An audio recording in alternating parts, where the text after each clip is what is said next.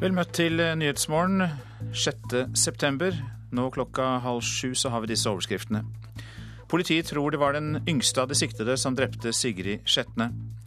Høyre går fram fire prosentpoeng og er større enn Arbeiderpartiet på meningsmåling. Leksehjelp øker forskjellene mellom elevene, selv om målet var det motsatte, mener Utdanningsforbundet. Vi merker vel at det er kanskje de sterkeste elevene som benytter seg av tilbudet, og at de som har størst behov, kanskje velger det bort. Tommy Seigerud, rektor ved Langeland skole i Kongsvinger. Og Bill Clinton skapte stor begeistring på Demokratenes landsmøte i natt. Her i studio, Øystein Heggen.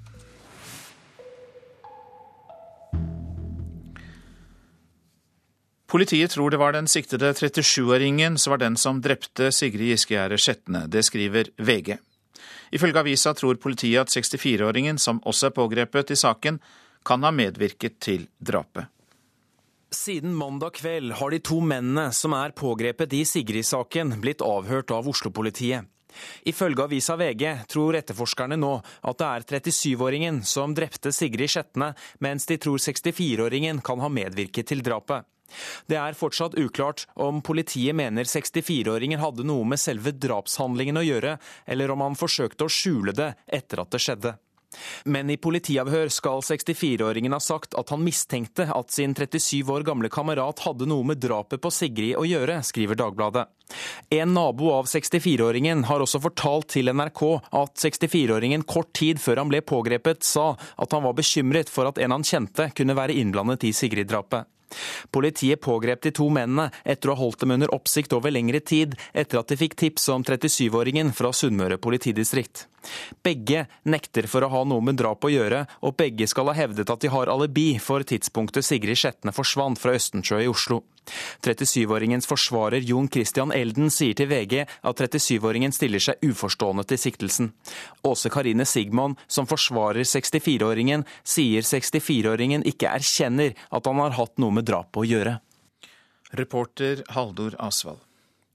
Flyselskapet SAS planlegger å selge unna serviceavdelingene på bakken. Ifølge avisa Dagens Industri kan SAS komme til å legge alle bakketjenestene til et annet selskap for å spare kostnader. Ifølge den norske markedsdirektøren i SAS, Eivind Roald, har selskapet hatt kontakt med flere mulige kjøpere, men ingen beslutning om salg er fattet. Rundt 5500 SAS-ansatte i Skandinavia arbeider med bagasjehåndtering, innsjekking og andre servicefunksjoner ved flyplassene. Tidligere president Bill Clinton skapte stor begeistring på demokratenes landsmøte i natt. Han mener Obamas økonomiske politikk er riktig for USA. Clinton sa at det er med stolthet han er med å nominere Obama som partiets nye kandidat for en ny periode. We are here to nominate a president. And I've got one in mind. I want to nominate a man who's cool on the outside. But who burns for America on the inside. Mer fra Clinton og landsmøtet til Demokratene i Nyhetsmorgen etter klokka sju.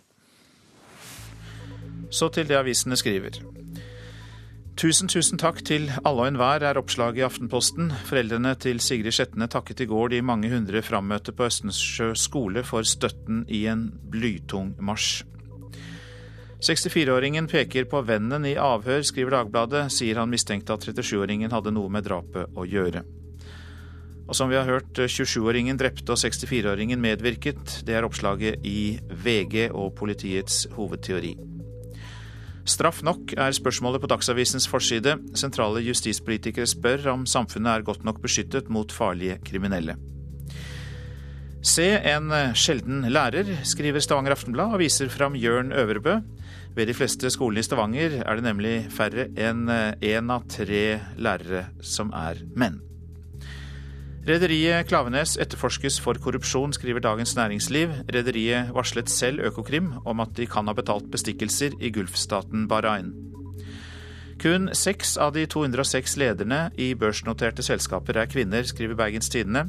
Sjef i Riber Shipping, Irene Våge Basili, tror at myten om superkvinner er ødeleggende, og at de bidrar til at det er få kvinner i toppjobber. NHO kan nekte å godkjenne tariffavtalen dersom de streikende sykehjemsansatte får en pensjonsavtale, skriver Klassekampen. Da ber NHO om skikkelig bråk, sier LO-leder Roar Flåten. Haukeland sykehus avslører egne grove tabber, kan vi lese i Bergensavisen. Ærlighet gjør pasientene tryggere på oss, sier direktør Stener Kvinsland. Her blir Lena på 21 år operert i magen av en robot, skriver Nordlys. Sykehuset i Tromsø har en firearmet operasjonsrobot til kikkhullkirurgi, som har større bevegelighet og mer presise mikrobevegelser enn den menneskelige kirurgen. Politiker hengte ut kolleger på Facebook, er oppslaget i Adresseavisen. Høyre-topp la ut Facebook-bilder av kolleger som drikker øl og sover på formannskapets Spania-reise. Beklagelig, ufint og medfører ikke riktighet, sier ordfører Rita Ottervik. Vil ha fri jakt på den norske ulven, skriver Nasjonen. Senterpartiets nestleder Trygve Slagsvold Vedum sier Norge ikke er forpliktet til å ta vare på ulvestammen, som tilhører den finsk-russiske stammen og ikke er en unik norsk-svensk ulvestamme.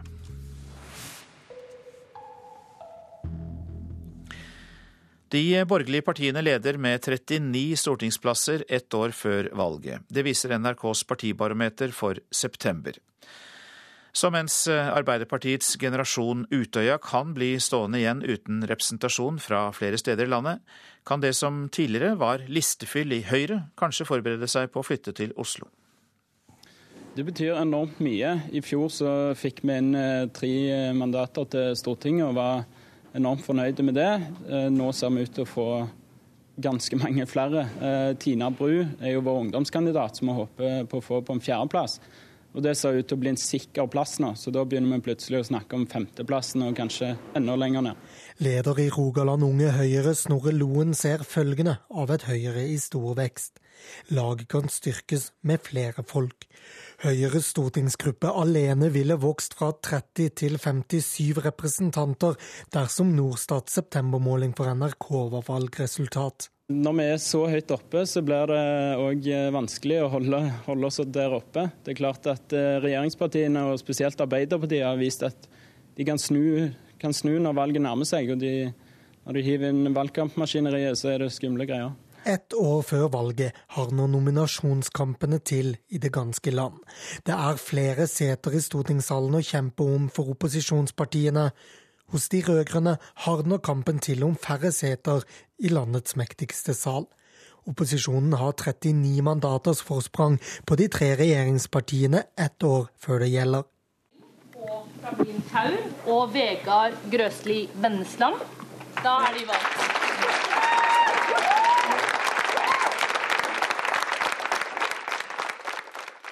I går kveld ble Prablin Kaur og Vegard Vennesland klappet frem av sine egne i Oslo AUF. Målet er at en av dem får minst femteplassen på Ap-lista i Oslo, etter det som kan bli en krevende nominasjonshøst. De siste tre periodene så har AUF sin kandidat på lista i Oslo hatt femteplassen. Så vi har ikke noe lavere ambisjoner i år, selvfølgelig. Men det betyr at sånne type posisjoner er mer utsatt.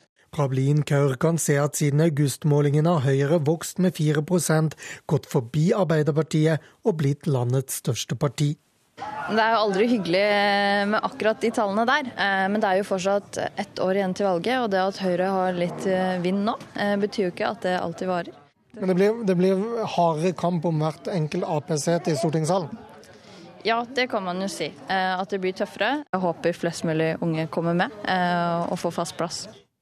Reporter Lars Nehru Sand. Meningsmålingen ser du i sin helhet på nrk.no, og det blir flere detaljer i Politisk kvarter på P2 om en drøy time. Dagens lovpålagte leksehjelp for de minste øker forskjellene mellom elevene og skaper større skiller mellom de som mestrer mye og de som sliter med skolearbeidet. Det mener Utdanningsforbundet. Men målet da leksehjelp ble innført, var at forskjellene skulle bli mindre. Jeg skal gjøre, skrive noe om det og SOM. Går det bra? Ja. Hva skal du skrive, da? Jeg vet ikke. Har du ikke funnet på noe? Nei. Trenger du hjelp? Nei. Marike Knuse Jannik går på tredje trinn ved Langland skole Kongsvinger. Hun klarer nesten alt helt selv, men hun kan hver uke få leksehjelp av Eline Anni Ronghaug og de andre assistentene ved skolen. Hvis jeg ikke blir ferdig med det, den dragen, så skal jeg gjøre ferdig den. For to år siden ble kommunene pålagt å gi tilbud om gratis leksehjelp to timer i uka til elevene fra første til fjerde trinn.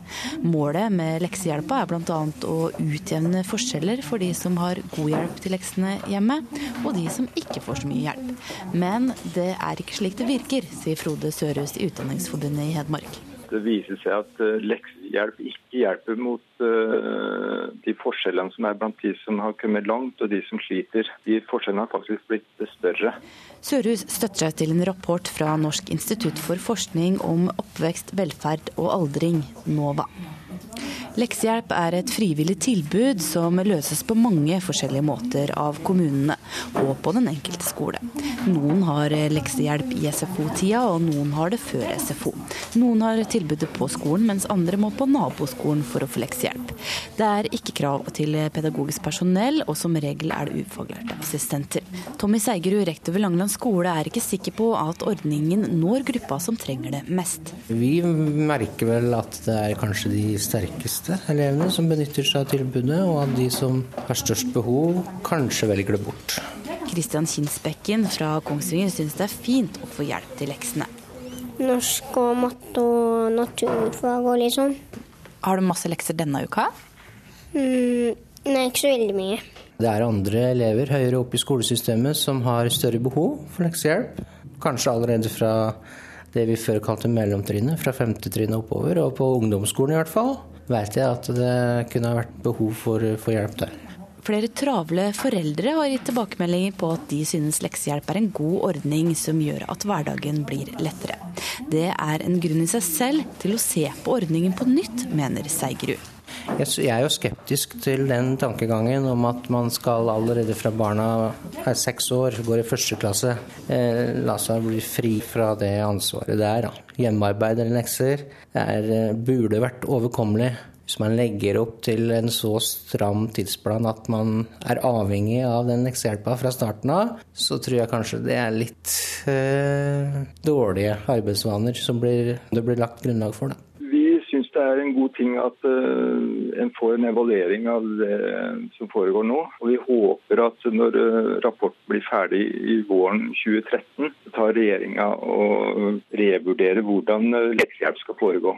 Vi ønsker at leksehjelp skal foretas av faglærte ressurser, og vi ser gjerne at leksehjelp blir satt på i det høyere klassetrinnet. Der er behovet mye større. Det sa Frode Sørhus i Utdanningsforbundet Hedmark. Reporter var Ann Kristin Moe. Kristoffer Beckham, du er leder i Foreldreutvalget for grunnopplæringen. Du er med oss fra studio i Bergen. Hva er foreldrenes erfaringer med leksehjelp i SFO? Nei, er, Vi får stadig tilbakemeldinger på at foreldre syns ikke dette fungerer optimalt.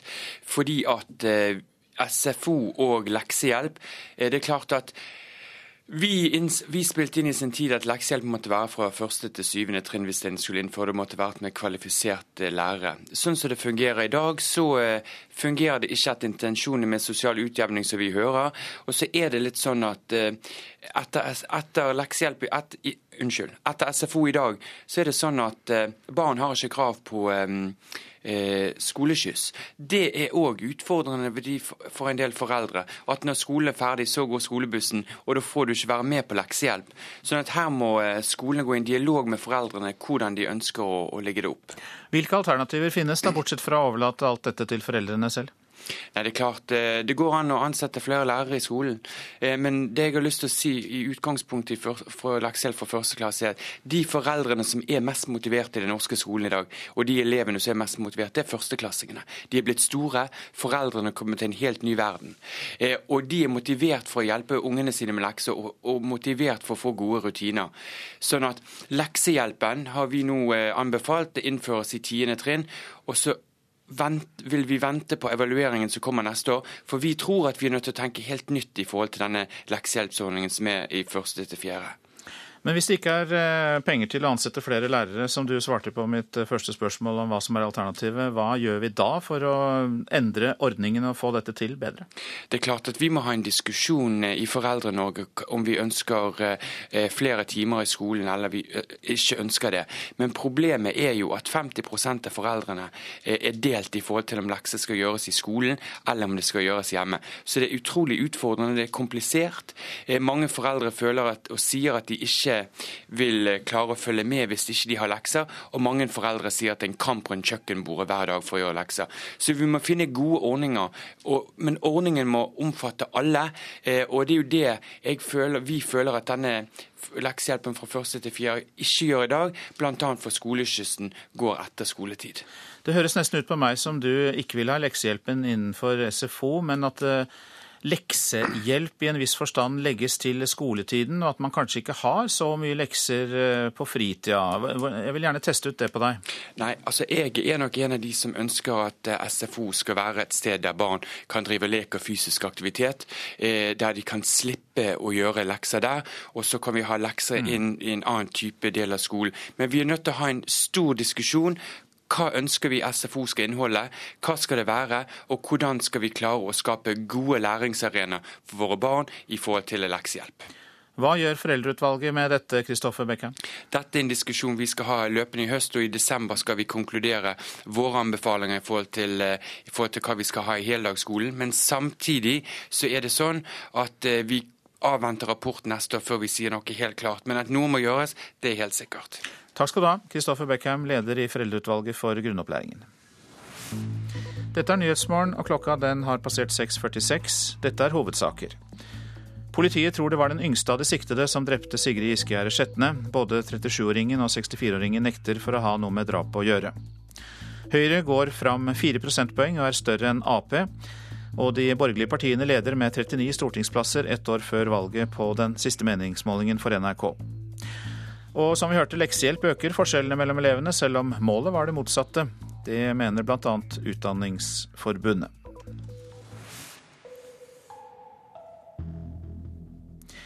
I går offentliggjorde myndighetene i Kina anklagene mot den tidligere politisjefen i Chongqing, Wang Liyun. Det var han som flyktet til USAs konsulat i Chengdu og satte dermed i gang hele skandalen rundt partitoppene Bo Xilai og hans kone Go Kailai, hun som nettopp ble dømt til livsvarig fengsel for giftmord. Kina-korrespondent Anders Magnus, ja, hva er det Wang Liyun er tiltalt for? Han er tiltalt for å ha misbrukt eh, sin stilling til å dekke over drapet. Det gjorde han jo eh, i starten, drap på denne briten.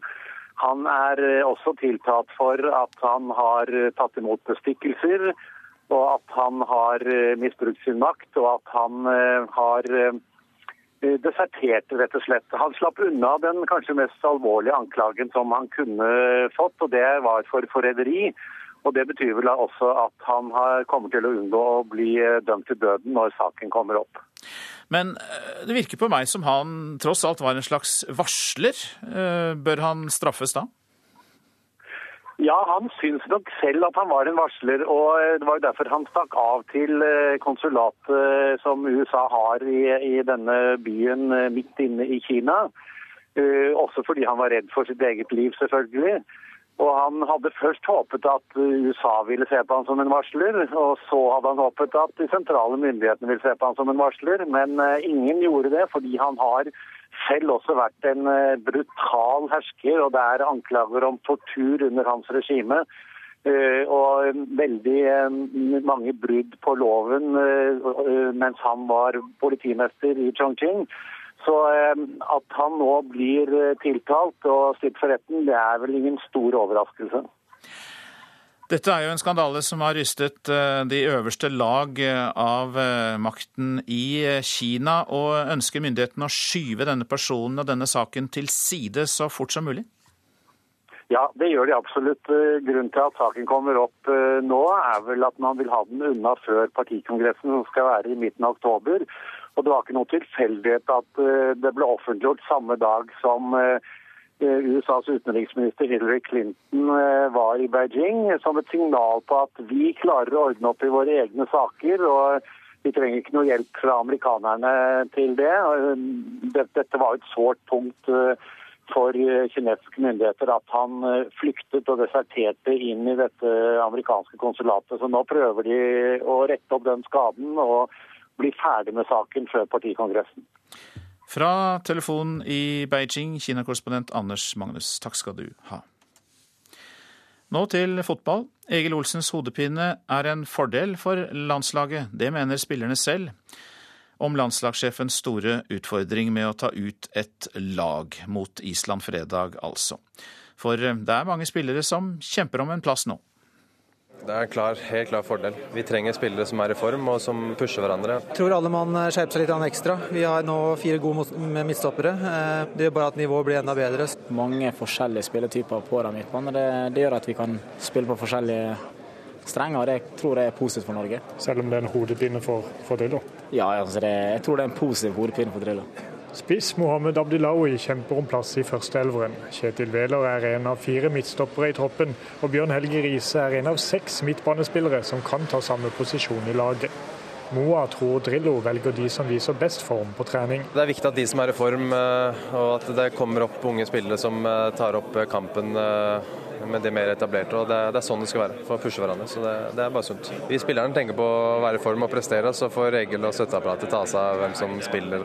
Jeg har mye å velge mellom, sier landslagssjef Egil Olsen. Han innrømmer at dette er et av de vanskeligste uttakene han har stått overfor, men er enig med spillerne i at det er et luksusproblem. Midtbanen er spesielt vrien med tanke på å velge en førsteelver til Island-kampen. Jeg har jo mange midtbanespillere her, da, som eh, og minst eh, seks som kan spille sentralt på midten. Og, men der får jeg se litt på, på, på sammensetning òg. Jeg kan ikke ha for like spillere der òg. Du må ha litt forskjellig. Du må ha liksom, det kreative aspektet der. Løpsstyrken, eh, duellstyrken. Eh. Så det, det blir å sette sammen som, som blir utfordringa. Egil Olsen til reporter Geir Elle. Nå skal vi høre at mange forsker på 22. juli. Ett år etter terroren undersøker forskere over hele landet hvordan den endret landet. Minst 40 prosjekter er i gang. Ett av dem tar for seg dem som ble direkte rammet av terroren. Myndighetene frykter at belastningen på de berørte kan bli for stor, og har opprettet en egen forskningsetisk gruppe som skal passe på. Det, det er intervjumanualen som vi bruker, som alle intervjuerne våre bruker. Det er jo stort sett ungdommer som var overlevde på Utøya. Psykiater Grete Dyb ved Nasjonalt kunnskapssenter om vold og traumatisk stress forsker på dem som overlevde terrorangrepet på Utøya 22.07. i fjor. Hvordan de har opplevd eh, tiden etter terrorhandlingene. Hvordan eh, reaksjonene og plagene utvikler seg over tid. Det er veldig viktig, fordi at når vi skal møte nye katastrofer og nye store ulykker f.eks., så trenger vi denne dokumentasjonen for å bidra til at det blir best mulig hjelpetiltak. Det er mange forskere som søker kunnskap om en unik situasjon i norsk historie. Det finnes ingen samlet oversikt over forskningen knyttet til 22.07. Men NRK har vært i kontakt med landets sju universiteter og flere forskningsinstitutter de fleste av dem oppgir at de har prosjekter som handler om 22.07. Etter det NRK erfarer, dreier det seg om minst 40 prosjekter. Om lag fem av disse omhandler dem som ble berørt av terroren. Det er jo øh, ganske mye som er i gang. Nils Olav Refsdal er i ferd med å skaffe seg oversikt. Om studien av de ansatte i regjeringskvartalet. Øh, hvordan designelsen har påvirka engasjement i, i frivillige organisasjoner og, og tillit i, i, samfunnet mer generelt. Så det er et stort, stort spekter. Han leder en forskningsetisk gruppe opprettet av Helse- og omsorgsdepartementet og Kunnskapsdepartementet, som skal passe på at forskningen ikke blir en belastning for de berørte. For det kan bli for mange prosjekter. Bekymringa er jo at ulike fagmiljøer som ikke visste hva hverandre holdt på med, skulle uavhengig av hverandre begynne å ta kontakt med, med, de berørte. Sånn at belastninga på deg ble veldig stor, uten at de skulle ha noen å, å, gå til. Det som bekymrer meg, er vel kanskje at noen opplever det som uh, retraumatiserende. ved å bli spurt om, eh, om hendelsen. Representant for de berørte i gruppa, Beate Vattendal, mistet selv en datter på Utøya. Hun sier hun er mest bekymret for at nysgjerrige forskere skal gå for langt når de stiller spørsmål. Eh, man blir jo på en måte mm, satt tilbake til, eh, til de øyeblikkene hvor man var midt oppi det. Nils Olav Refsdal vil at forskerne skal samarbeide, slik at det ikke blir for mange prosjekter. Bruke datamateriale som allerede fins, Eh, intervju som er gjennomført av andre, f.eks. Det var Ida Kvittingen som hadde laget denne reportasjen. De var blant de første, og de kom for over 30 år siden. Vi snakker om de vietnamesiske flyktningene. En ny fotoutstilling skal dokumentere hvordan det har gått med dem. Her kommer modellen. Har du tatt på sminke? Nei! det er fotosession hjemme i stua hos Tan Hong i Brumunddal. Jeg har vann til sånne rare bilder hele tiden. Vi går over 30 år tilbake i tid. Året er 1978. Tan Hong er 17 år og driver rundt på havet i en motorhavarert båt med nesten 190 andre vietnamesiske flyktninger. Vi begynner å gråte og tenke nå dør vi. Da blir de reddet av et norsk skip. De var så snille. De hopper ned og bærer med hver person opp og heiser opp, og vi var helt ferdig. Sånn ja, det er veldig bra. Ta et par bilder for å stille inn lyset, tenker jeg. Ja. Vietnameserne var den første store flyktningegruppa som kom til Norge. I dag bor det over 20 000 her, 700 av dem her i Hedmark. Vi vil ta for oss en av de flyktninggruppene som har hatt lang botid i Norge. Sigurd Nilsen, leder av Flerkulturelt senter ved Glåmdalsmuseet, som står bak fotoprosjektet, sier det er viktig å vise hva vietnamesere har tilført landet vårt. Absolutt. Jeg tror de fortjener eh, mye mer oppmerksomhet enn det de har fått eh, hittil. Veldig positiv at fylket vil gjøre dette her. For jeg er veldig stolt at fylket velger en vietnamesisk kultur. Der, ja. Og så litt ned med sjakene. Fotograf André Klemetsen har reist mye i Vietnam og hatt fotoutstilling om ettervirkningene av Vietnamkrigen. Han syns det er viktig å vise hvordan det er gått med vietnamesere som kom til Norge for 30-40 år siden. Noen land og nasjoner man bare forelsker seg i på et vis, og, da, og vietnamesere er for min del i hvert fall en, en, Jeg føler meg veldig hjemme i Vietnam de gangene jeg har vært der. Og det er et eller annet med folkeslaget som eh, er veldig appetittvekkende, for å si det sånn. Det er forsket lite på vietnamesere som folkegruppe i Norge. Sigurd Nilsen ved Flerkulturelt senter sier det har gått bra med de fleste av dem. Vietnameserne blir vanligvis oppfatta som den gruppe som det har gått bra med, og som er vellykka. De er veldig hardtarbeidende og flinke til å ta vare på hverandre. Eh, og Det er nok mye av årsaken til at eh, vi ikke har sett så mye problematiske oppslag i avisene. Vi er så glad i å jobbe. Dessverre, vietnamesisk har et ord som heter 'vi er veldig glad i penger'. Asiafolk er veldig glad i penger. Reporter blant vietnameserne, Stein Eide.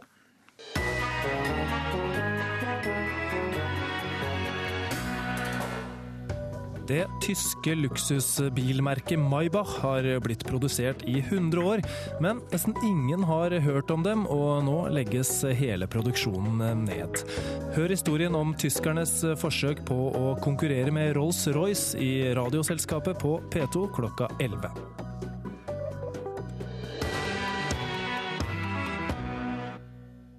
Så noen ord om været. Fjell i Sør-Norge får litt regn i dag. I kveld kuling utsatte steder.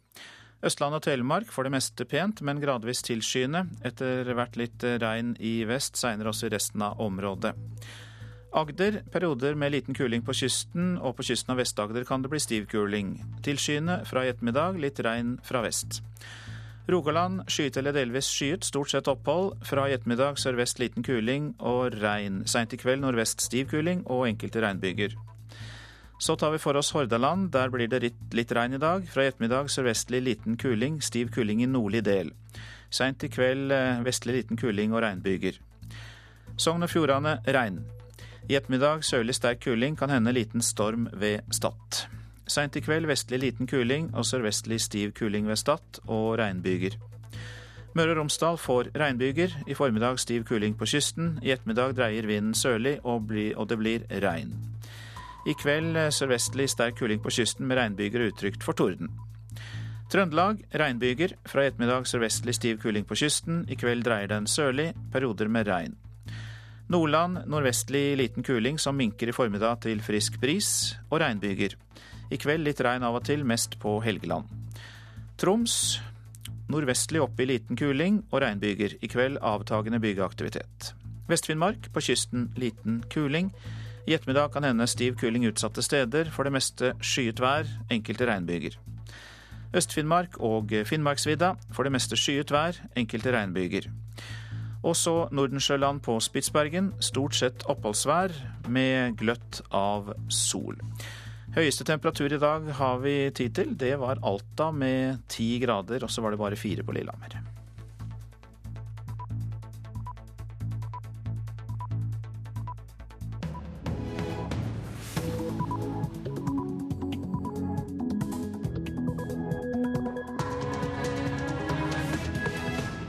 Ja, det er Nyhetsmorgen du lytter til på P2 og Alltid nyheter.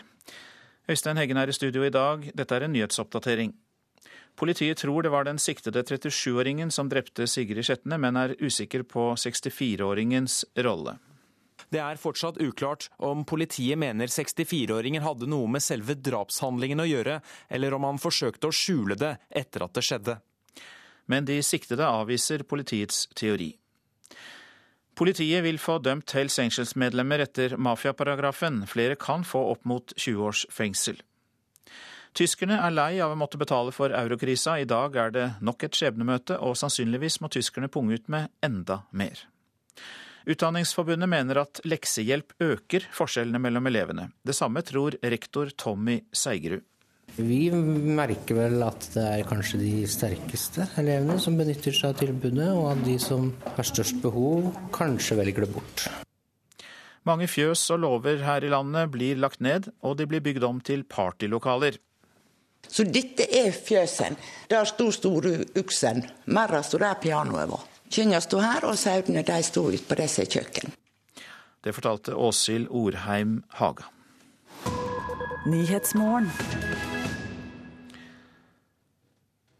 Politiet tror det var den siktede 37-åringen som drepte Sigrid Giskegjerde Skjetne. Det skriver VG. Reporter Haldor Asvald, du er kommet i studio. Hva mer kan du fortelle om saken? Ja, Det vi vet eh, så langt, det er at politiets eh, hovedteori nå, ifølge eh, VG, er at det er denne 37-åringen som etterforskerne mener da har drept Sigrid Skjetne, mens denne 64 år gamle kameraten hans kan ha medvirket til drapet. Det er fortsatt uklart om politiet da mener at han har skjult selve drapshandlingen i ettertid, eller om han har hatt noen rolle i forkant av av eh, selve drapet. Eh, og Avisa Dagbladet skriver også at denne 64 år gamle mannen har pekt på eh, denne 37-åringen i sitt politiavhør. Til NRK så har også en nabo av denne 64-åringen sagt at 64-åringen har fortalt at han var bekymret og, og, trodde at en han kjente kunne være innblandet i dette Siri-drapet. Vet vi mer om hva som fikk politiet på sporet av de to mennene? Det skal ha vært et eh, tips fra et familiemedlem av 37-åringen, ifølge Aftenposten, som har, til, eh, som har, kommet inn til politiet i, i Sunnmøre politidistrikt, som har gjort at uh, Oslo-etterforskerne ble satt på sporet av uh, denne mannen i Oslo-området, og at uh, de da holdt disse mennene under oppsikt over lengre tid, og senere gikk de i aksjon nå på mandag, og da pågrep dem da. Og hva sier de to mennene selv? Er det kommet ut noe om det? Begge nekter for at de har hatt noe med drap å gjøre. Begge, begge nekter straffskyld. Eh, begge eh, hevder også, skal også hevde at de har alibi for det tidspunktet da Sigrid Skjetne forsvant fra Østensjøområdet i Oslo. Og 37-åringens forsvarer Jon Christian Elden sier også at eh, hans klient stiller seg uforstående til siktelsen, og det samme gjelder også 64-åringen. Det samme sier hans forsvarer. Mange takk for den orienteringen, reporter Haldor Asvald.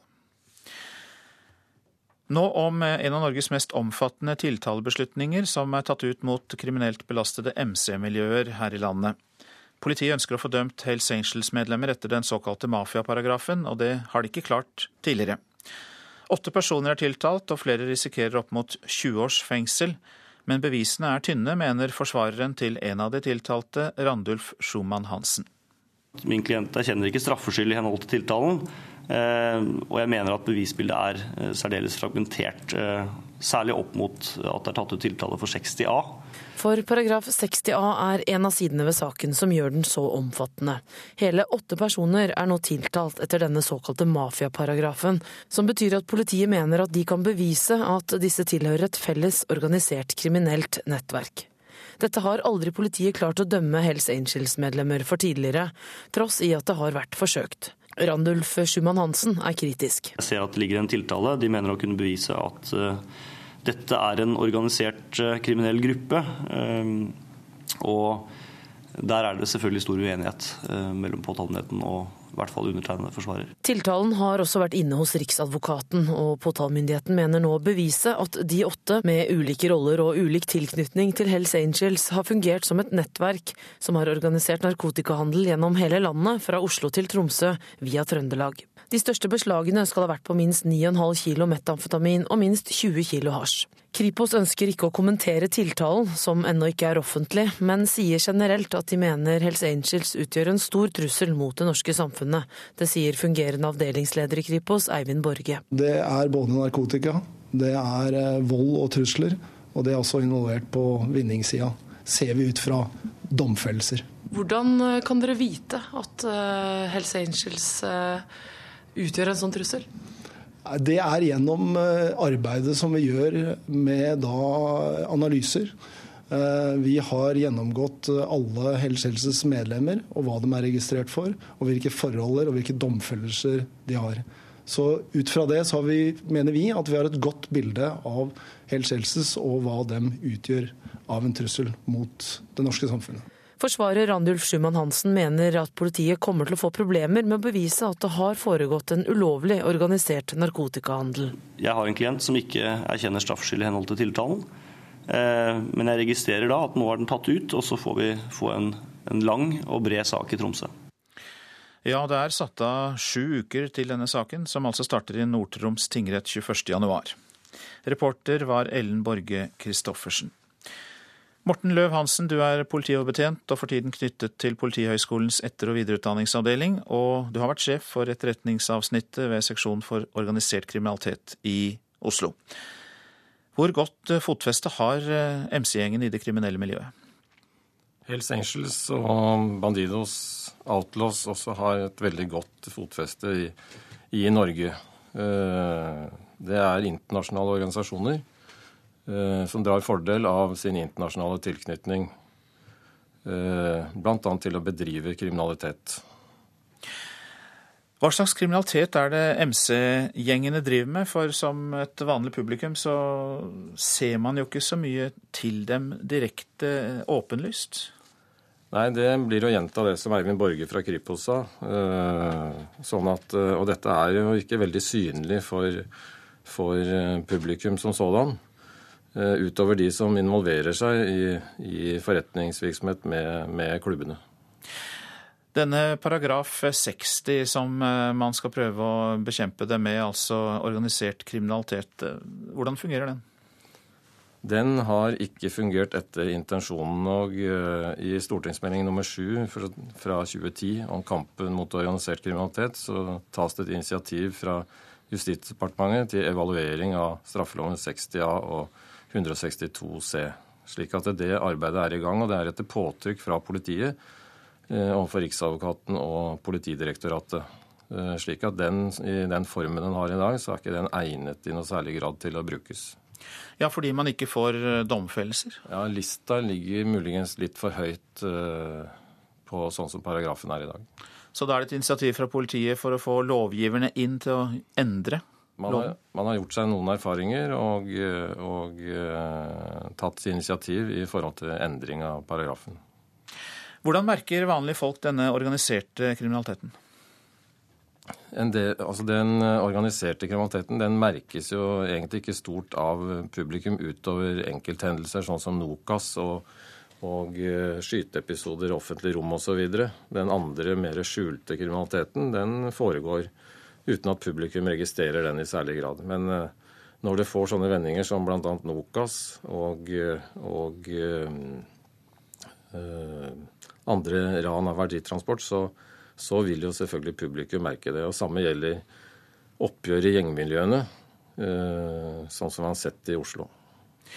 Man merker ikke så mye til det, men stor skade likevel for samfunnet? Det er stor skade, og mye er jo De opererer sine nettverk basert på frykt, slik at det er ikke greit. Mange takk for at du kom hit. Morten Løv Hansen, du er for tiden knyttet til Politihøgskolens etter- og videreutdanningsavdeling. Takk skal du ha. Finanskrisen nå, for den gir norske eksportbedrifter eh, problemer. Selv om mange vil kjøpe varene, for finanshusene vil ikke gi kreditt til eh, salg av skip, oljeservice og fisk.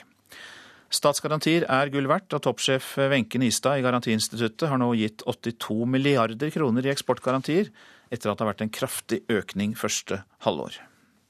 Det betyr jo at vi blir viktigere. Og sånn som situasjonen ser ut nå, så blir vi snart den eneste finansieringskilden som eh, kan være med på disse store transaksjonene. I en økonomisk krise er en garanti fra AS Norge gull verdt for norske eksportbedrifter. Vi sørger for at de som kjøper norske varer får finansiering, kort og godt. 82 milliarder kroner er nå garantert av staten, viser halvårsrapporten fra Garantiinstituttet for eksportkreditt. Og det blir mer, tror administrerende direktør Wenche Nistad. Vi har en veldig høy søknadsmasse, den ligger på over 50 milliarder. Årsaken er finanskrisen som gjør at banker og låneinstitusjoner verken vil eller kan finansiere store salg av skip, fiskemat og tjenester til oljenæringen internasjonalt. Uten GIEK ville trolig aktiviteten ved norske verft vært mindre hørbar. Det kan dere spørre den næringen om, men jeg tror den vil svare at vi er svært viktige for den næringen. Eh, aktivitet eh, kan det hende det har vært, men den har vært veldig lav. Sier administrerende direktør Roy Reite i skipsprodusenten STX. En av de store som eier fem verft i Norge. IEK er veldig veldig viktig for oss, sånn som situasjonen er nå på verdensmarkedet. GIEK eh, stiller jo da garantier for finansiering av de produktene som som vi leverer til verdensmarkedet. og Uten den type garanti så har det blitt veldig få ordrer i dag. I første halvår økte antall statsgarantier fra GIEK med 60% det betyr ikke at staten taper penger. Tvert imot viser dagens halvårsrapport fra Garantiinstituttet at staten tjener på ordningen.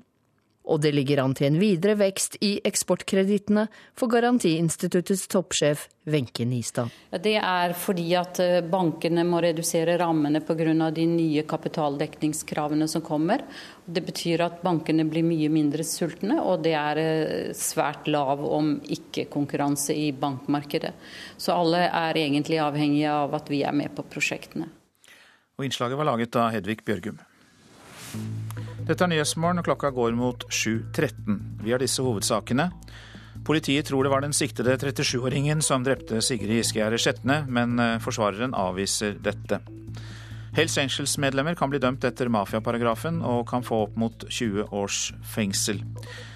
Følg med oss videre og hør hvordan tidligere president Bill Clinton hyllet president Barack Obama på Demokratenes landsmøte i natt.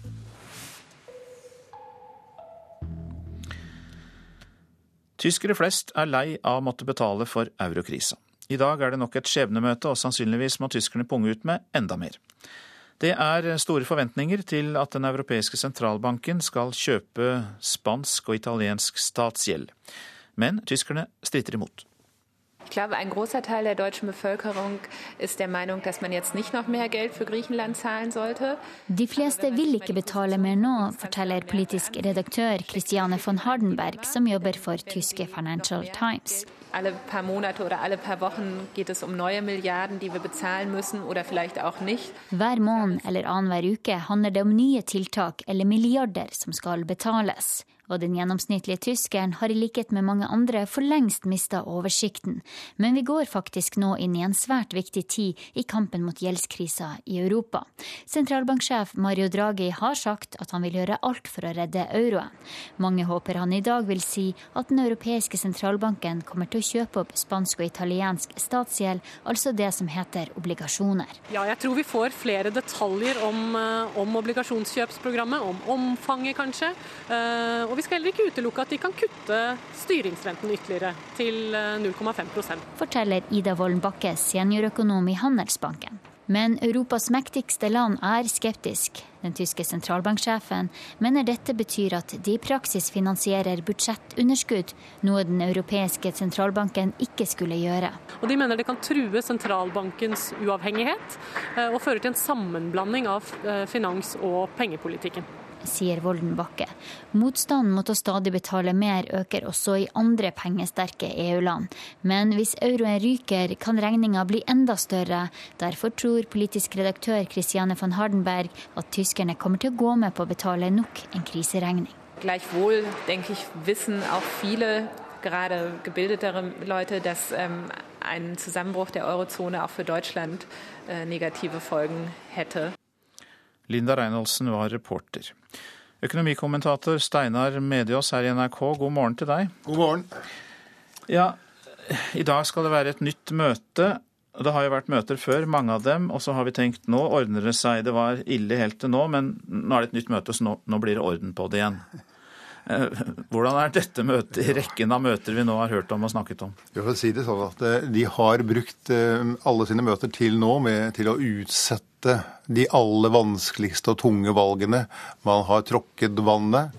Men Europa nærmer seg det stupet vi kan se for oss, og da må det ta stilling til. Skal eurolandene, altså de landene som nå har denne fellesvalutaen euro, stå sammen og felles om hele eurogjelden, eller skal hver og en gjøre opp for seg? Og det er det det egentlig handler om. Ja, men er det et stup, eller er det bare en nedoverbakke? Ja, det er et, Uansett hvilket valg de tar her, så blir det et veldig smertefullt eh, valg. Hvis det er slik at eh, man gjør det som man nå håpet i denne reportasjen, nemlig at Den europeiske sentralbanken fortsatt skal kjøpe opp europeisk gjeld, så må man huske på at Den europeiske sentralbanken er en av de dårligst fundede bankene i hele Europa. De har en egenkapital på 6 milliarder euro. De har i dag lånt ut 230 milliarder euro. Og hele gjelden i alle disse pigslandene, alle de fattige landene, den er på 1000 milliarder euro. Så hvis ECB skulle komme og si at vi skal kjøpe opp denne gjelden, så må det bli med nytrykte penger, og det får sine konsekvenser. Ja, Sier du at banken har 6 milliarder på en måte stående, men har lånt ut 230? Ja, de har altså en egenkapital på ja, ja, ca. 3% Det ville vært helt ubrukelig i en norsk bank. Men nå er det, spes det spesielle med sentralbanker er at de vanligvis kan trykke penger hvis de mangler penger.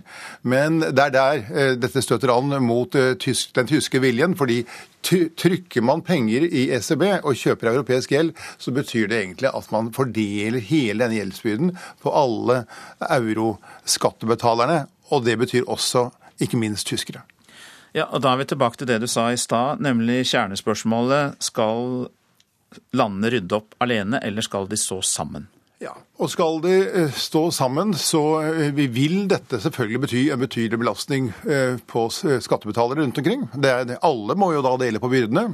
Eller så må de som har lånt ut pengene finne seg i å ta tap, eller så kan du få noe som er midt imellom. Hvis de som har lånt ut disse jeg har sagt om 1000 milliarder euro i eurosonen, så, så iallfall i disse pigslandene, så er det så mye gjeld at hvis den skal nedskrives betydelig, så vil banker gå over ende, pensjonskasser vil få seg en skikkelig smell. Eh, og det blir en skikkelig nedtur for mange, og det er dette man frykter. Og tyskerne ønsker seg også denne euroen. For for dem er, har euroen vært en velsignelse. Det har vært en måte å lavt prise tyske varer og tjenester. Eh, meget gunstig. Derfor så er det smertefullt å forlate euroen også. Mange takk for at du holder øye på dette for oss, økonomikommentator i NRK, Steinar Medios. Flyselskapet SAS planlegger å selge unna serviceavdelingene på bakken. Ifølge avisa Dagens Industri kan SAS komme til å legge ned alle bakketjenestene eh, og legge det over til et annet selskap for å spare kostnader. Ifølge den norske markedsdirektøren i SAS har selskapet hatt kontakt med flere mulige kjøpere, men det er ingen beslutning som er fattet. I dag blir strømmen nesten gratis, skriver Dagens Næringsliv. Norge kobler seg nemlig fra store deler av det europeiske strømnettet pga. vedlikeholdsarbeid. Spotprisen faller da i dag ned til under sju kroner per kilowatt-time, og det er da under en fjerdedel av prisen i Danmark. Tidligere president Bill Clinton hyllet i natt president Barack Obama på demokratenes landsmøte. I sin tale sa Clinton at ingen president i nyere tid har overtatt en verre økonomi, og at ingen president ville maktet å reparere ødeleggelsene på bare fire år. Det var et comeback en president verdig da Bill Clinton i natt talte til det demokratiske landsmøtet. I godt gammelt slag holdt USAs 42. president en 50 minutter lang tale som slo fast at Barack Obama er mannen som kan bringe USA videre og ut av det økonomiske uføret. Clinton minnet sine partifeller om at demokratenes visjon er å stå sammen og samarbeide, enn å være solospillere og stå alene. We think the country works better with a strong middle class, with real opportunities for poor folks to work their way into it, with a relentless focus on the future with business and government actually working together to promote growth and broadly shared prosperity. You see, we believe that we're all in this together is a far better philosophy than you're on your own. At Barack Obama valgte Hillary Clinton som utenriksminister, gjorde Bill Clinton til et bevis for at Obama ønsker å samarbeide med alle for å finne de beste løsningene. Hillary Clinton utfordret Obama under forrige nominasjonsvalg, og Clinton sa med humoristisk snert at Obama likevel valgte å ta henne og andre opponenter inn i regjeringen. President Obama appointed several members of his cabinet, even though they supported Hillary in the primary. Heck, he even appointed Hillary. Han forsvarte Obamas økonomiske politikk og mente at ingen amerikansk president i nyere tid hadde fått en verre start på sin gjerning enn Obama. No president, not me, not any of my predecessors, no one could have fully repaired all the damage that he found in just four years. I sin tale raljerte nærmest president Bill Clinton flere ganger med republikanerne og presidentkandidat Mitt Romney. Særlig deres motstand mot helsereformen fikk gjennomgå, og Clinton mente republikanerne driver med skremselsreklame om helseutgiftene. They keep on running ads claiming it. You want to know why? Their campaign poster said, We are not going to let our campaign be dictated by fact checkers. Now, finally, I can say that is true. Landsmøtedelegatene tok svært godt imot ekspresidenten. Bill Clinton ble flere ganger avbrutt av trampeklapp, og hans formelle nominasjon av president Barack Obama og visepresident Joe Biden fikk landsmøtesalens taktfaste bifall. If you want a winner take all, you're on your own society, you should support the Republican ticket. But if you want a country of shared opportunities and shared responsibility, a we're all in this together society, you should vote for Barack Obama and Joe Biden. Da Bill Clinton var ferdig med sin tale, dukket president Barack Obama opp på scenen og omfavnet sin forgjenger. Han sa ikke et ord til salen, men vinket begeistret. I natt norsk tid er det Obamas tur til å tale til sine partifeller. Da er det mange som forventer en resept på hvordan han skal rette opp både arbeidsløshet og den økonomiske krisen. Jon Gelius, Charlotte, Nord-Carolina. I Tyrkia ble kamphelikoptre og jagerfly satt inn i en storoffensiv mot PKK-geriljaen i provinsen Shernak nær grensen mot Syria og Irak i natt. Flere mål skal være bombet, ifølge sikkerhetskilder. Siden PKK startet sitt opprør mot myndighetene for 28 år siden, er eh, minst 40 000 mennesker drept i uroen. Lufthansa har innstilt flere hundre flyavganger eh, pga. streik blant eh, kabinpersonalet ved tre av de travleste flyplassene i eh, Tyskland. Flytrafikken til og fra Frankfurt, München og Berlin vil bli lammet under den en dag lange streiken. I Frankrike ble en fire år gammel engelsktalende jente funnet i live i bilen der tre mennesker ble funnet skutt og drept i går. Jenta lå under sin døde mor. Fransk politi antar at det var britiske turister. Også en lokal syklist ble funnet drept like ved. Fireåringen ble først oppdaget ved midnatt, åtte timer etter at politiet hadde sperret av området. Så dagens aviser.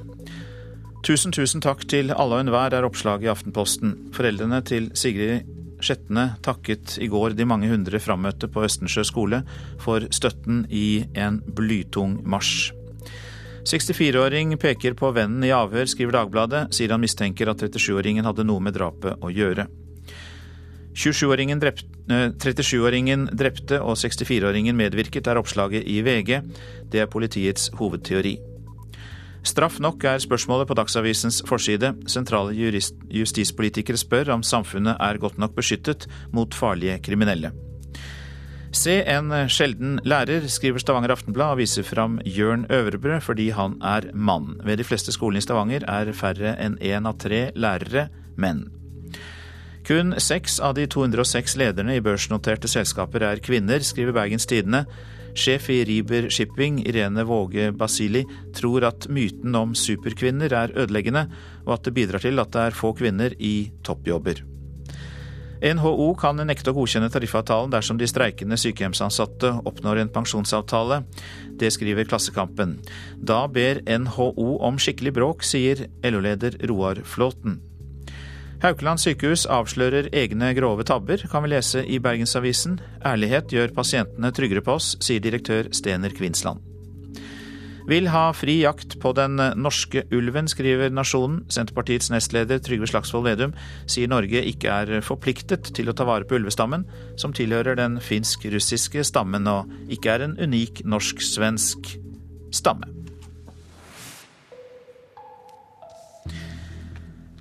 Det viser seg at stadig flere låver og fjøs blir bygd om til festlokaler. Når gårdsdriften blir lagt ned, blir gamle bygninger restaurert og brukt til selskap og bryllup. På Stårheim i Eid kommune i Sogn og Fjordane har Åshild Orheim Haga bygd om fjøset til fest- og kulturbruk. Ja, dette huset er da den gamle fjøsen som min tippoldefar bygde i 1840. Jeg satt her og melka til 86. Da bygde vi ny. Så dette er fjøsen. Der sto store uksen. Merra sto der pianoet var. Kyrne sto her, og sauene de sto ute på disse kjøkken fjøsa, og kanskje endatil fjøslukt til kultur og fest. Nei, det er nok ikke så veldig mange år siden folk flest ville flirt godt av slike ideer. Men situasjonen er en helt annen i dag. Fjøsen pub på Skei i Jølster, Åmot gard i Bygstad og driftsbygninga på Vågsberget er døme på ei slik utvikling. Og på Årheim på Stårheim hadde Åshild direkte bruk for et romslig allbruklokale. Jeg hadde et museum på gården. Og så begynte folk å komme, og så kom det busser. Så måtte jeg bruke privathuset mitt. Og så fant vi ut nå lager vi til ei drøsestove ut av dette her. Og dette har da vært brukt som selskapslokale, kurs, minnestunder, barnedåper. Er dette kulturvern? For meg er det et kulturvern å ta vare på disse gamle murene som uh, har stått her siden 1847.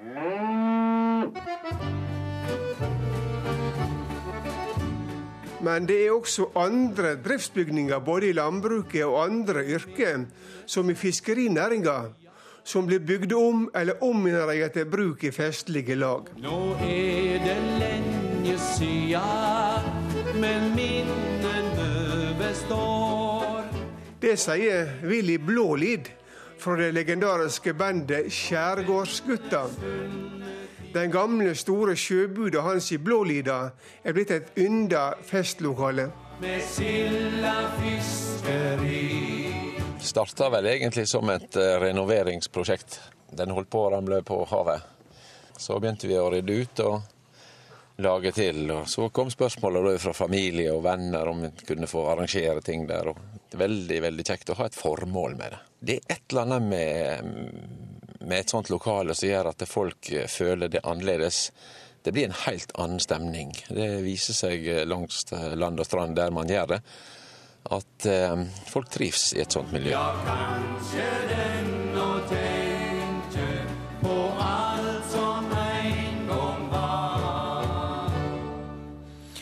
Og det var eh, Harald Kolseth som hadde laget denne reportasjen fra Nordfjord.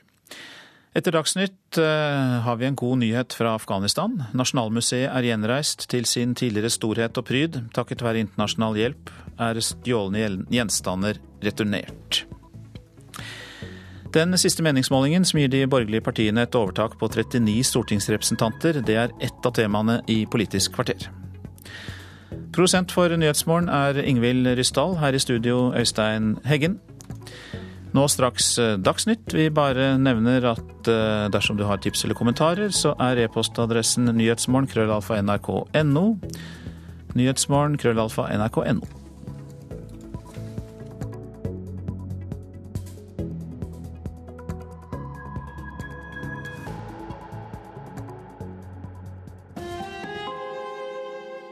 ekko.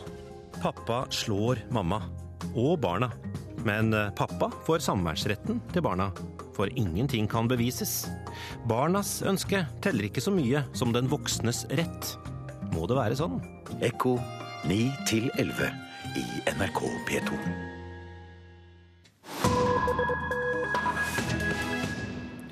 Dette er Nyhetsmorgen. Nasjonalmuseet i Afghanistan hadde gjennom det forrige århundret en av verdens rikeste samlinger av kulturskatter, men de ble offer for borgerkrig og Taliban-styrets herjinger, bombet, plyndret og satt i brann. Med internasjonal hjelp blir stjålne gjenstander nå returnert, og museet gjenreises til sin tidligere storhet og pryd. It's very old. I mean, it's about uh, made about second century ED, for the Buddha statues. That was Sjefkurator Mohammed Rahimi viser stolt fram det aller nyeste tilskuddet til samlinga i det gjenoppbygde museet. En minst 1700, kanskje 1900 år gammel buddha-statue i full menneskestorleik.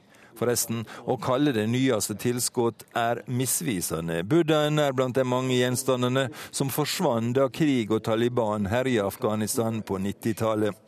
Denne statuen dukka opp i Japan før en anonym oppkjøper overlot den til British Museum, som igjen sytte for at den fant veien tilbake til Kabul. Uh, once Buddha was challenged by a master of heretics that he cannot do miracle, and um, but uh, he claimed that uh, my my refusing of uh, doing miracles it doesn't mean that I cannot do the miracle. For Raimi er et mirakel å ha buddhaen tilbake. Et imponerende kunsthåndverk fra et par tusen år tilbake i tid, med sine detaljrike utskjæringer. Både de små foldene i kjortelen, så vel som det mer abstrakte vannet rundt føttene til buddha, og de innbilte flammene som slikker lufta fra skuldrene hans. For afghanske museumsvaktere var åra rundt tusenårsskiftet tunge. De visste hva kulturarv de forvalta, og de kunne se hva vei det bar etter at de sovjetiske styrkene trekte seg ut i 1989 og overlot landet til borgerkrigen. Everything was in progress. Unfortunately, when the civil war started in Kabul, Museumsdirektøren Omar Khan Masudi bruker ikke de store ordene for å beskrive det tragiske tiåret etter at elendet starta i 1992. Selv om staben ved Nasjonalmuseet tidlig gikk i gang med å pakke vekk de mest dyrebare skattene, reddast det som reddast kunne, og gjemte de på hemmelige steder i Kabul. Titusentalls gjenstander ble likevel mål for plyndring, og museumsbygningen mål for krigshandlinger og da Taliban setter i verk den systematiske ødelegginga si av kulturminnet, blant annet skjøt i filler de gigantiske buddha-statuene i fjellet i Bamiyan, var 70% av samlinga til museet tapt. Taliban herja og knuste alt som kunne antyde idolisering og avgudsdyrking i det som var igjen. For museet var det å starte fra grunnen av, bokstavelig talt, da den internasjonale styrken rykka inn i Afghanistan og Taliban-styret måtte vike for ti år siden. After collapse of Taliban, the Ministry of Information and Culture, we all together try our best to uh, rebuild all our department from zero. I løpet av disse ti åra er mer enn 16 000 stålne gjenstander fra den opprinnelige samlinga returnert til museet. Mer enn halvparten av dem fra utlandet. Samtidig er museumsbygningen gjenreist med internasjonal hjelp, bl.a. UNESCO. For 24 år gamle Golam Nabi på besøk i museet er gjenreisinga viktig.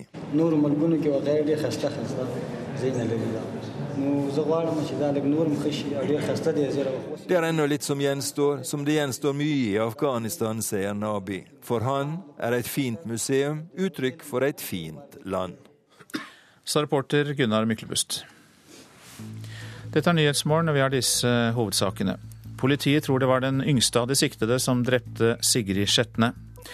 Bill Clinton kom med en sterk støttetale til Barack Obama i natt på Demokratenes landsmøte. Og de borgerlige partiene leder med 39 stortingsplasser ett år før valget, viser siste meningsmåling gjort for NRK. Og i Politisk kvarter så skal vi snakke om eurokrisen i dag, programleder Bjørn Bø. Ja, hvor mørk er skuggen over Norge fra det finansielle elendet i Sør-Europa, spør vi. Og som du var inne på, ny høyreframgang på dagens meldingsmåling for NRK.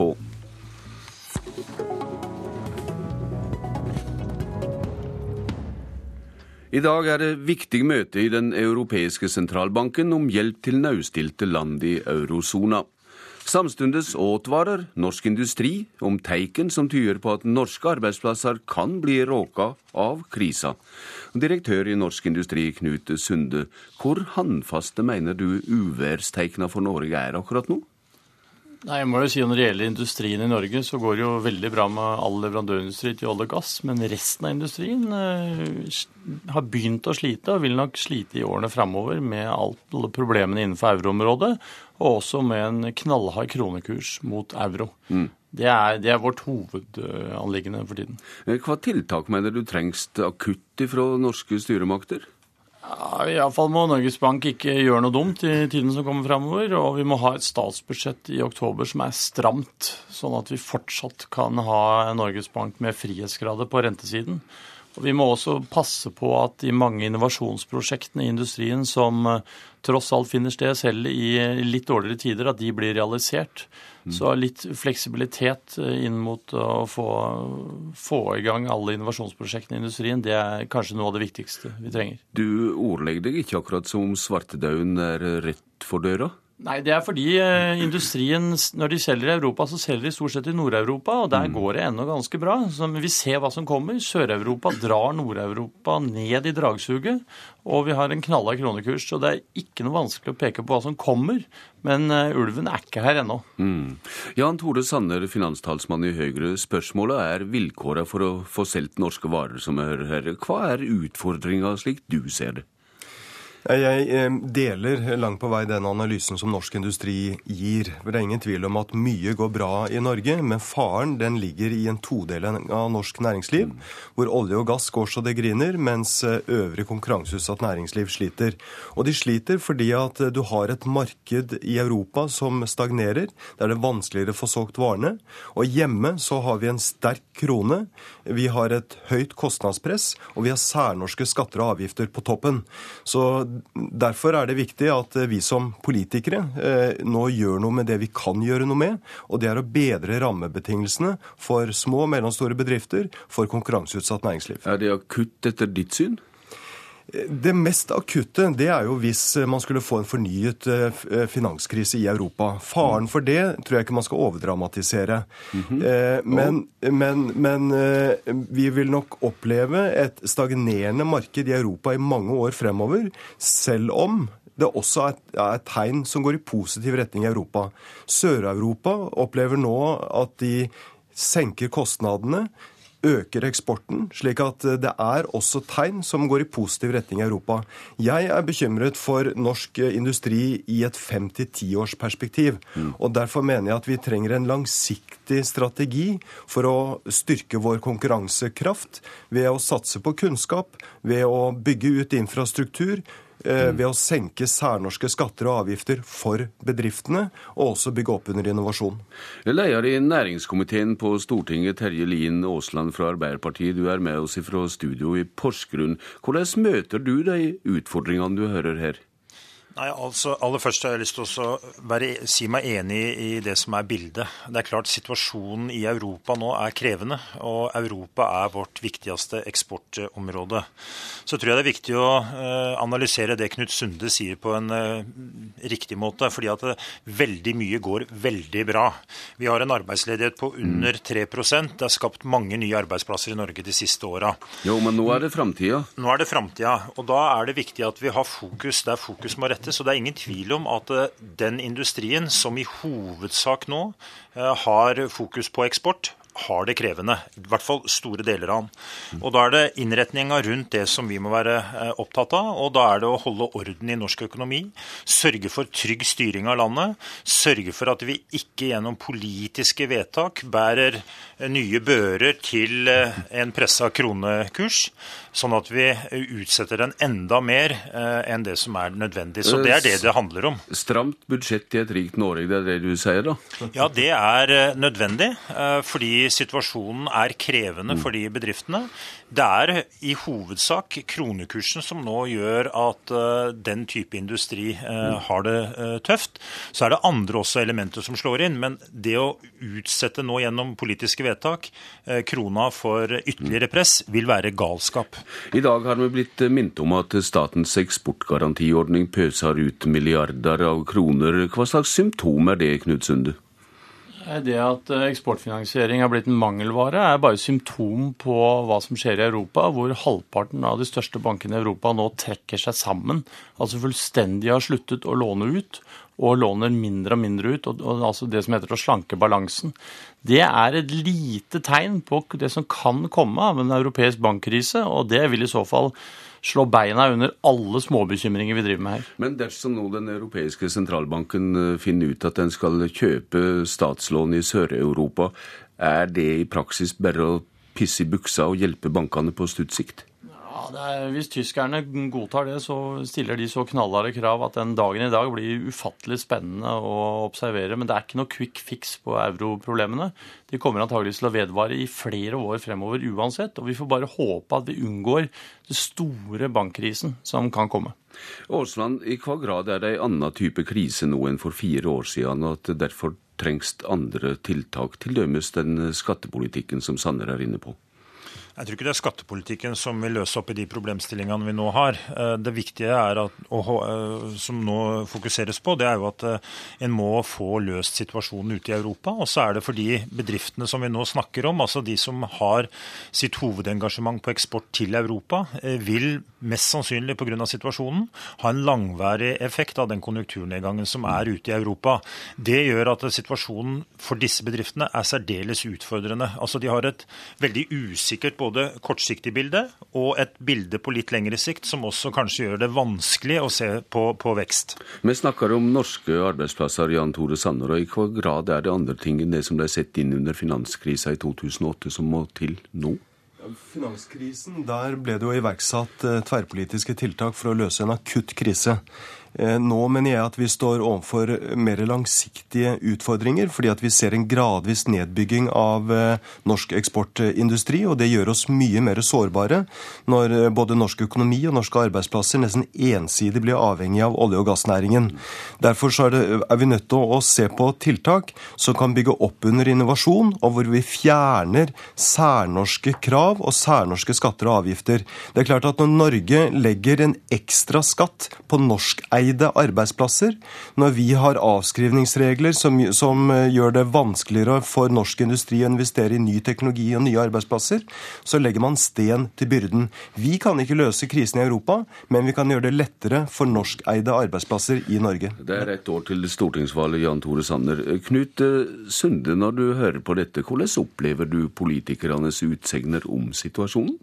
Jeg tror analysen som Aasland og Sanner har er grovt sett riktig. Men vi har altså både et kortsiktig for så vidt skrekkscenario som vi håper vi slipper, men så har vi det gnagende underliggende problemet som kommer til å ligge et par år framover. Og vi får håpe at europeerne får litt skikk på euroland, fordi eh, den sterke kronekursen henger nøye sammen med at europeerne eh, har bare kaos eh, gående. Så dagen i dag er jeg faktisk vel så fiksert på som, som mange år fram i tid. Ja. Aasland og Sanner, vi får høre hva som skjer utover dagen, og så kommer vi til tiltak seinere, kanskje. Takk til dykk i denne omgang, også til deg, Knut Sunde. Da skal vi rett og slett til dagens politiske meningsmåling. Høyre går fram fire prosentpoeng og er større enn Arbeiderpartiet på Norstats partimåling for NRK i september. De borgerlige partiene leder med 39 stortingsplasser ett år før stortingsvalget. Utøya-generasjonen i Arbeiderpartiet kan stå igjen uten representasjon flere steder i landet, medan de som før var listefulle i Høyre, kanskje må bo seg på å flytte til Oslo. Det betyr enormt mye. I fjor så fikk vi inn eh, tre mandater til Stortinget og var enormt fornøyde med det. Eh, nå ser vi ut til å få ganske mange flere. Eh, Tina Bru er jo vår ungdomskandidat, som vi håper på å få på en fjerdeplass. Og Det ser ut til å bli en sikker plass nå, så da begynner vi plutselig å snakke om femteplassen og kanskje enda lenger ned. Leder i Rogaland Unge Høyre, Snorre Loen, ser følgende av et Høyre i stor vekst. Laget kan styrkes med flere folk. Høyres stortingsgruppe alene ville vokst fra 30 til 57 representanter dersom Norstats septembermåling for NRK var valgresultat. Når vi er så høyt oppe, så blir det òg vanskelig å holde, holde, oss der oppe. Det er klart at eh, regjeringspartiene, og spesielt Arbeiderpartiet, har vist at de kan snu, kan snu når valget nærmer seg. og de, Når de hiver inn valgkampmaskineriet, så er det skumle greier. Ett år før valget har nå nominasjonskampene til i det ganske land. Det er flere seter i stortingssalen å kjempe om for opposisjonspartiene. Hos de rød-grønne hardner kampen til om færre seter i landets mektigste sal. Opposisjonen har 39 mandaters forsprang på de tre regjeringspartiene ett år før det gjelder. Karin Taur og Vegard Grøsli Vennesland. Da er de valgt.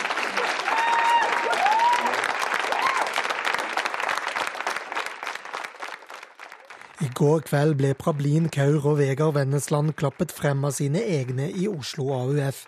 Målet er at en av dem får minst femteplassen på Ap-lista i Oslo, etter det som kan bli en krevende nominasjonshøst. Eh, de siste tre periodene så har eh, AUF eh, sin kandidat på lista i Oslo hatt femteplassen. Så vi har ikke noe lavere ambisjoner i år, selvfølgelig. Men det betyr at sånne type posisjoner er mer utsatt. Prablin Kaur kan se at siden augustmålingen har Høyre vokst med 4% gått forbi Arbeiderpartiet og blitt landets største parti.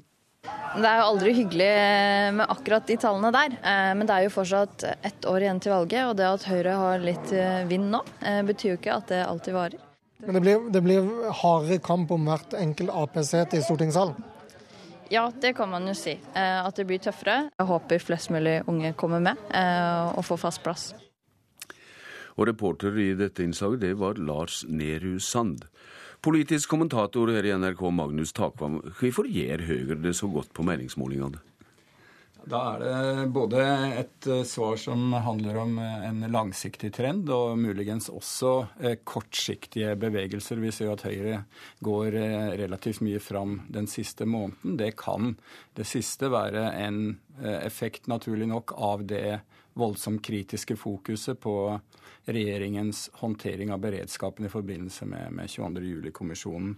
Men den langsiktige trenden eh, er slik den har vært uavhengig av eh, 22.07-debatten, nemlig det faktum at Høyre, viser det seg, har klart eh, å vinne velgere fra alle fløyer, i mm. betydelig grad fra Arbeiderpartiets velgere fra eh, 2009, men også fra eh, Frp. Det betyr jo da rett og slett at partiet Høyre har klart å framstå med en moderat sentrumsorientert profil. Det oppfattes ikke som et eksperimentparti, som et ytterliggående parti hos velgerne. Og det er nødvendig for å få så eh, bred oppslutning i Norge. Eh, det er mye uvisse rundt styrken til partiene, kan en eh, lese når en ser ulike meningsmålinger. Hva kan vi si om det? Det har jo særlig blitt en debatt blant uh, valgekspertene om de spriket som har vært om FrPs uh, uh, nivå for tiden på meningsmålingene, f.eks. Eh, så det er betydelig grad av usikkerhet f.eks. For omkring det, fordi det viser seg jo at målingene har såpass stort sprik når det gjelder et parti som Frp. Det har vært fra 12 og opp til 20% f.eks. et sprik på 10% Og det har med tekniske ting som hva man eh, vekter de tallene man samler inn fra i forhold til eh, lokalvalget sist eller stortingsvalget. Så den typen usikkerhet må vi alltid leve med. Du snakka om tendenser her tidligere. og I hva grad er det en skilnad nå på styrketilhøva mellom blokkene og mellom partiene i høve til i opptakten til stortingsvalget i 2009? Ja, Også i 2008, altså ett år før forrige stortingsvalg, så, så var det jo eh, en allmenn oppfatning at det skulle mye til om de rød-grønne skulle klare å vinne eh, valget i 2009, som de da gjorde med et nødskrik.